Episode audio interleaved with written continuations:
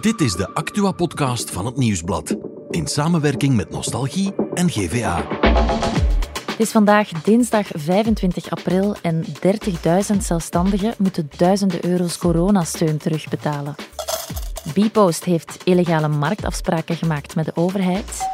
En Koekelare heeft een vervanger voor Frank de Bozere. Maar vandaag hebben we het over Sergio Herman. Zijn restaurant Pure Sea raakte gisteren twee sterren kwijt. Dat is gewoon kut met peren, hè. Is hij nog wel de topchef van Weleer? Ik ben Serafin Smits. Welkom bij The Insider. Wie? Sergio Herman. Wat? Zijn restaurant Pure Sea. Waarom? Omdat het in één klap uit de Michelin-gids verdween. Onze insider van vandaag is Jan Klaes, reporter bij het Nieuwsblad en ook foodie. Als we hier op de redactie tips nodig hebben over restaurants en waar je goed kan eten, dan moeten we bij Jan zijn. Dag Jan. Hey Serafin. Ja, gisteren werden de Michelinsterren uitgereikt in Nederland. En dan kwam het nieuws dat Pure Sea of Pure C, wat is het nu eigenlijk? Pure Sea. Pure Sea. De puurheid van de zee. Oké. Dat is in Katzand. Wel, die is nu zijn twee sterren kwijt. Ehm, waarom? Wel, ehm, het was donderslag bij helder hemel natuurlijk. hè. Mhm. Een eh, zaak die al zo lang twee sterren had en plots verdwenen die. Michelin heeft pas nadien aan Sergio Herman en aan de wereld uitgelegd wat er aan de hand was. Ehm, de chef stopt daar. Circo Bakker is daar sinds jaar en dag van bij het begin Mhm. chef. Die heeft eind vorig jaar eh, gezegd dat hij ja, zou stoppen. Zijn eigen verhaal wil schrijven in een restaurant in, in Bali. En Michelin zegt, eh, we gaan ermee stoppen met sterren te laten hangen Mhm. aan, eh, aan restaurants. Dus een nieuwe chef Moet moet, zich zich opnieuw bewijzen. bewijzen. Ja, want hoe, hoe gebeurt dat eigenlijk, die sterren toekennen? Hoe zit dat systeem in elkaar? Michelin heeft een, een, een groep van inspecteurs overal in de wereld. En die gaan, die gaan eten. Die eh, schrijven verslagen en die komen dan tot gezamenlijke conclusies. Eén ster, twee sterren, drie sterren, geen ster. Oké, en op basis van wat eh, maken ze hun oordeel? Michelin is heel mysterieus. Die, die vertellen eigenlijk niet wat hun regels zijn, maar algemeen aanvaard is dat, dat het, de eerste ster dat die gaat over wat er op het bord is, over het eten. Mhm. Tweede en derde ster gaat over meer luxe producten gebruiken, mooier interieur, meer sfeer. Maar dus Pure Sea heeft zich eigenlijk jarenlang bewezen. Mhm. En nu, omdat er een nieuwe chef komt, zijn ze, moeten ze eigenlijk van nul beginnen, zijn ze alles kwijt. Is dat eigenlijk wel zo eerlijk? Ik denk dat, dat Michelin beter anders had gecommuniceerd. Eh, Ze hadden Mhm. misschien beter tegen Sergio Herman gezegd: ehm, we gaan vanaf nu op die manier werken. Dan had hij die nieuwe chef misschien een paar maanden geleden al laten starten. Konden de inspecteurs al komen eten. En had hij gisteren misschien één, twee, wie weet drie sterren gekregen. Ja, dus geen goede zet van Michelin eigenlijk. Nee, en ik, net ik, eh, wel. Michelin eh, houdt wel van een beetje controverse en zo. En, en het is voor Michelin, blijft een bandenproducent, blijft het belangrijk dat, er, Mhm. dat wij, de pers, over, daarover schrijven, dat er over gepraat wordt. En dat is gelukt natuurlijk. Maar ik denk wel dat er eh, schade is voor Pure Sea. Ja, op, op welke manier? Wel, je hebt heel veel sterrenjagers, mensen die eh, Ja. lijstjes afvinken, die zoveel mogelijk sterrenrestaurants bezoeken. Neem nu een Amerikaan die een Europese trip doet en die een paar dagen in Brugge is. Eh, Die zal de app open doen, want er is geen papieren Michelin-gids meer. Mhm. Die gaat sterretjes zoeken, die gaat de Jonkman zien in Brugge, Bartholomeus en Knokken. Maar Pure Sea zal van zijn er, ja. radar zijn. Ja, we hebben hier ook in ons land Peter Goossens, die laat ehm, zijn restaurant Hof van Kleven over aan zijn souschef.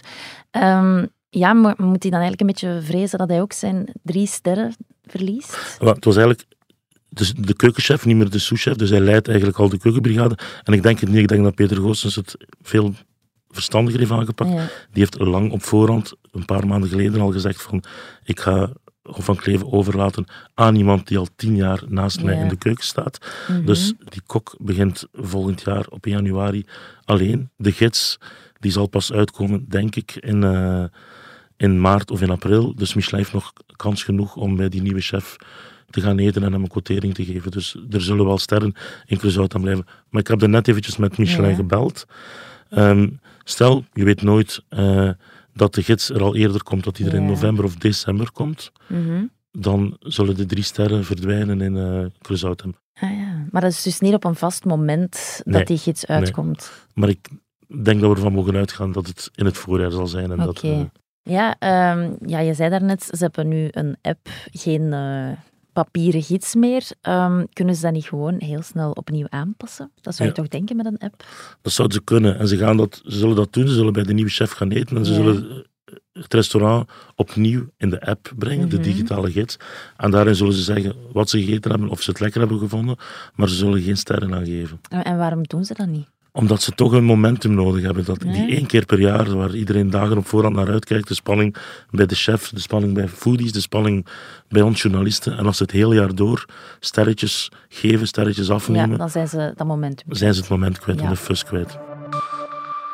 Dan gaan we eventjes over naar Sergio Herman. Domme jonge kerel, als je die mensen net niet bent, moet gelijk ingezet worden. Dit is al zo'n kritische klootzak. Want ja, hij staat nu wel met zijn hoofd in de krant van zoveel sterren kwijt. Hoe problematisch is dat voor zijn imago eigenlijk? Want is hij dan nog de grote Sergio Herman van vroeger? Dat er imagoschade is, dat is duidelijk. Hè. staat vandaag op alle voorpagina's, eh, televisiezenders. VTM stond gisteren live voor Pure C, eh, Mhm. Eh, het nieuws te maken.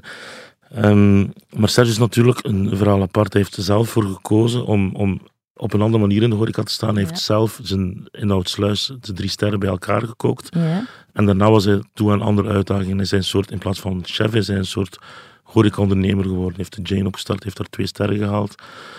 Heeft eh, die zaak overgelaten aan zijn zakenpartner. Uh, heeft hij een, een kerel opgeleid die naar twee sterren is gegaan. Mhm. Maar er was veel meer Sergio. Er zijn de, de, de frietateliers, de frituren. Er is de Sergio van televisie. Dus ja, hij had ooit zes sterren. Hij heeft er nu twee sterren. Dat klinkt eh, hard. Maar, Maar- dat is niet meer zijn core business. Als je bedoelt zelf Ja. achter de stoof staan, achter het fornuis staan, nee. Wat ik me dan afvraag, in hoeverre is dat restaurant dan nog van hem? Want voor mij lijkt het alsof, dat, dat- alsof hij daar inderdaad achter die potten staat, maar wat doet hij daar dan eigenlijk nog? Maar ik denk dat hij wel nog waakt over, eh, over wat er gebeurt in het restaurant. Dat hij misschien nog proeft als Circo Bakker een nieuw eh, ja. menu maakte. Maar hij, hij liet het restaurant wel aan, eh aan Circo Bakker. Hij liet Circo Bakker ook schitteren. Als de eerste ster viel, de tweede ster viel in Mhm. Nederland, was het niet Sergio Herman die op het podium stapte, maar was het Circo Bakker, de Ja. chef van Pure C. Want die is dus uiteindelijk verantwoordelijk voor Mhm. het succes. Ja. Is het dan als Sergio Herman zijnde wel slim om uw naam aan zoveel restaurants te verbinden? Want die kunnen het niet altijd allemaal even goed doen. Ja, dat is een risico natuurlijk. Hè. Als, je, als je op veel fronten speelt, kan je op veel fronten scoren, kan je op evenveel fronten verliezen. En de laatste tijd is er wel meer slecht nieuws geweest Ja. eh, dan, dan goed nieuws rond, rond de hele groep. Ja, want we hebben dan nu net Pure eh, gehad, maar welk slecht nieuws heeft hij nog te verteren gekregen? Wel, bij de laatste uitreiking van Michelin in, ehm, in, in ons land dacht iedereen dat Bloenis in Mhm. Antwerpen een ster ging krijgen. Eh, die is er niet gekomen. Ehm, na vernietigende recensies in eh, een aantal kranten. Eh, je hebt het afscheid gehad met Nick Bril ehm, in de Jane in Antwerpen. Of dat slecht nieuws is, dat weet ik niet. Dat was een zakelijke afhandeling, maar, maar, maar de perceptie was misschien wel dat, het, dat daar ook iets niet oké was. Ja, want die, ooit kwamen die heel goed overeen, maar nu... Daar zijn ze allebei heel discreet over, Ja, oké. Ehm, ja, kunnen we Sergio Herman dan eigenlijk nog een chef noemen? Is dat eigenlijk niet gewoon een zakenman en een tv-gezicht geworden? Eh, dat, is, dat is zeker juist, maar ik denk dat de chef eh, nog niet uit Sergio Herman eh, gekropen is. Nee? Ik denk, als hij vandaag aankondigt dat hij opnieuw een restaurant gaat beginnen waar hij zelf in de potten roert, dan denk ik tegen vanavond dat voor een jaar volzet is. Moet hij dat dan niet gewoon doen? Ik zou het altijd goed nieuws vinden. Ik ben ooit bij hem geweest in eh Oudsluis, eh, ik denk 12, 13 jaar geleden. Soms krijg je een gerecht op je bord Mhm. dat je nooit van je leven nog vergeet. Oké. En wat Ehm, was dat bij jou? bij hem was dat, dat was een gerechtje, dat heette iFoie. Eh, dat was zo de beginjaren van de iPhone. En dus hij maakte daar een woordgrapje mee en dat was een, eh, een stukje terrine van foie gras. En daarboven had hij een gelei gemaakt van eh Granny. Dus dat was Mhm. knalgroen. Hij had hij een vormpje gelegd van een appel. En het Mhm. steeltje was ingekookte wijn. Ik denk Brunello de Montalcino. Ik ga dat gerecht nooit Ja. meer vergeten. Ik zou geld geven om het nog eens eh, te Ja. mogen eh, eten. Dan Ja. kunnen we samen gaan, Serafine. Oké, afgesproken. Dankjewel om dat hier eventjes te komen toelichten. Graag gedaan. Voor het andere nieuws is producer Bert bij ons komen zitten. Dag Bert. Dag Serafin. Vanmorgen lazen we 30.000 zelfstandigen moeten een deel van hun coronasteun terugbetalen. Ja, wat is daar gebeurd? Ja, strafverhaal. Hè. Uh, je weet, tijdens de lockdown, tijdens corona, hebben heel veel zelfstandigen steun gekregen om ervoor te zorgen dat ze niet kopje ondergingen.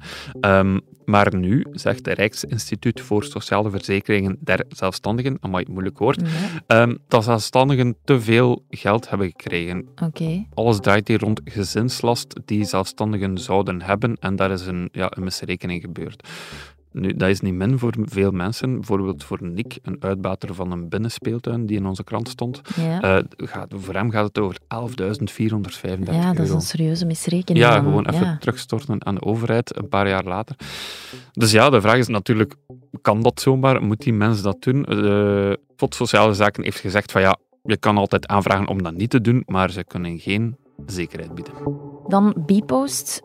Die heeft zelf nog meer overheidsopdrachten ontdekt die mogelijk niet in de lijn met de wet worden uitgevoerd. Wat is daar aan de hand? Ja, inderdaad. Dat, ik weet niet of dat je het nog herinnert, uh, Serafin. Ehm, een aantal maanden geleden kwam er aan het licht dat er illegale marktafspraken gemaakt waren tussen de overheid uh, en BPO's over het krantencontract, over het mhm. bedelen van de kranten.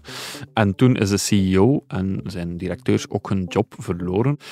Daarna is er een doorlichting gebeurd en nu hebben ze ontdekt dat Bpost nog andere ja, afspraken heeft gemaakt waarbij dat ze te veel geld hebben aangerekend voor bepaalde contracten. Dus dat krijgt nog een staartje? Ja, ja Petra de Sutter, eh, federaal minister van Overheidsbedrijven, die heeft al gereageerd en gezegd dat als er inderdaad sprake is van die te hoge kosten, dat de overheid het geld zal terugeisen. Dus dat zal ook een zware dobber worden mm -hmm. voor Bpost. En dan nog het regionieuws. Uh, en dit keer gaat het over Gerry, de zelfverklaarde weerman uit Koekelaren. De Frank de Bozer van ja. Koekelaren, inderdaad. Gerry uh, is 82 jaar, stond vandaag in het nieuwsblad. En Gerry voorspelt al elk jaar op 6 januari het weer voor het hele jaar.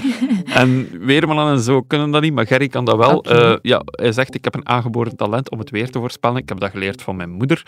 Um, en eigenlijk doet hij dat ja, op basis van de stand van de maan. Als de maan bijvoorbeeld uh, ja, een beetje liggend okay. te zien is, dan, dan is het... sowieso slecht weer, bijvoorbeeld. Okay. Ja. En is dat dan juist wat hij voorspelt? Wel, um, ja, Gary voorspelt op basis van een week. En voor deze week had hij voorspeld bewolkt met af en toe een bui en af en toe opklaringen.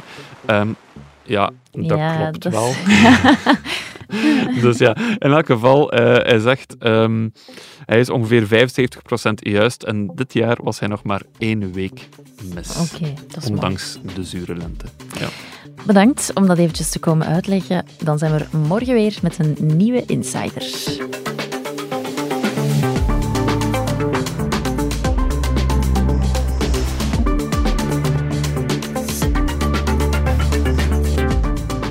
Dit was The Insider, een podcast van het Nieuwsblad in samenwerking met Nostalgie en GVA. De muziek is van Pieter Santens. De montage gebeurde door House of Media. Wil je reageren? Mail naar podcast.nieuwsblad.be.